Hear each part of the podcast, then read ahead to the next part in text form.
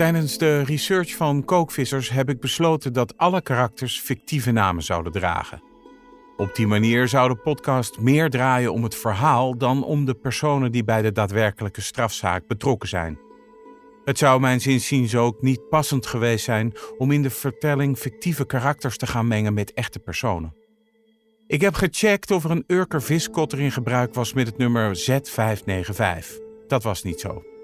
Daarom heb ik dat nummer gebruikt voor de fictieve naam van de viskotter in deze podcast. Voor de naam van de schipper heb ik gekozen voor Jelle Hakvoort. De naam Hakvoort is niet heel uitzonderlijk. Die komt vaker voor op Urk. In het telefoonboek staan maar liefst 89 Hakvoorts op Urk geregistreerd. Ook de naam Jelle is een naam die vaker voorkomt op het voormalige visserseiland.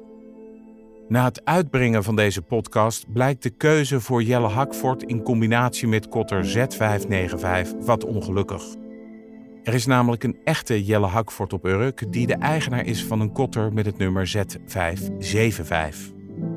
Langs deze weg wil ik nog eens extra benadrukken dat de echte Jelle Hakvoort nog zijn kotter Z575 ook maar iets van doen hebben gehad met het verhaal dat in deze podcast verteld wordt.